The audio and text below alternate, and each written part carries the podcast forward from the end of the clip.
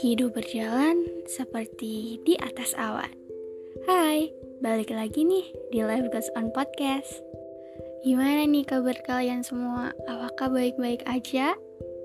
Buat kamu yang hari ini lagi nggak baik-baik aja, semangat ya buat menjalani hari-harinya.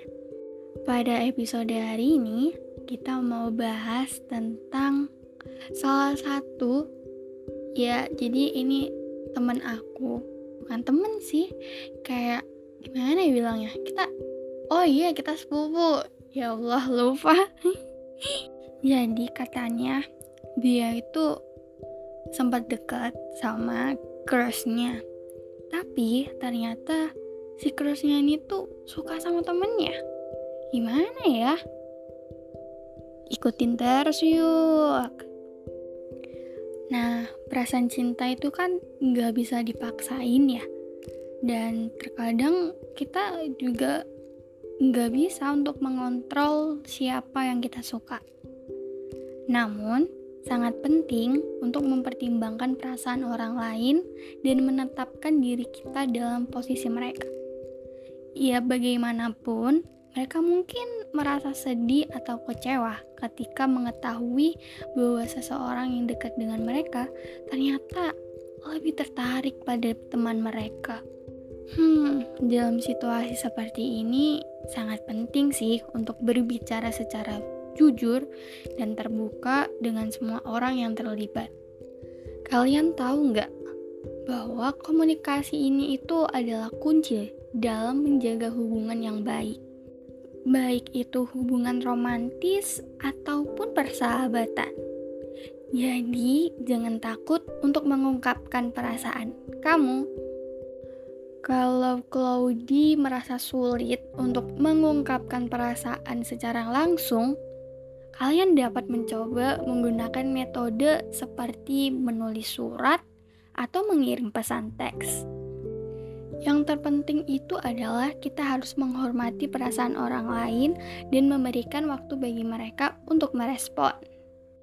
Namun, jika teman kita juga memiliki perasaan yang sama dengan kita, maka kita harus mempertimbangkan apakah kita siap mempertaruhkan persahabatan kita demi hubungan romantis. Jadi kita harus berpikir panjang dan mempertimbangkan semua konsekuensi dari keputusan kita. Dan pada akhirnya, kita harus mengambil keputusan untuk menghormati orang yang kita sukai.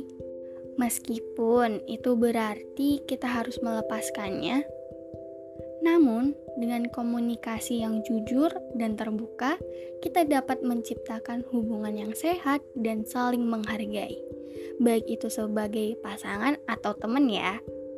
Selain itu, kita juga harus mempertimbangkan perasaan teman kita yang menjadi objek perhatian. Bagaimanapun, kita mungkin merasa kecewa atau terluka saat mengetahui bahwa cowok ini tuh lebih tertarik pada teman kita oleh karena itu, kita harus menghormati perasaan mereka dan memberikan waktu bagi mereka untuk merespon. Jika kalian memutuskan untuk tetap berteman, maka kalian harus memperlakukan mereka dengan baik dan menghormati batas-batas yang ditetapkan.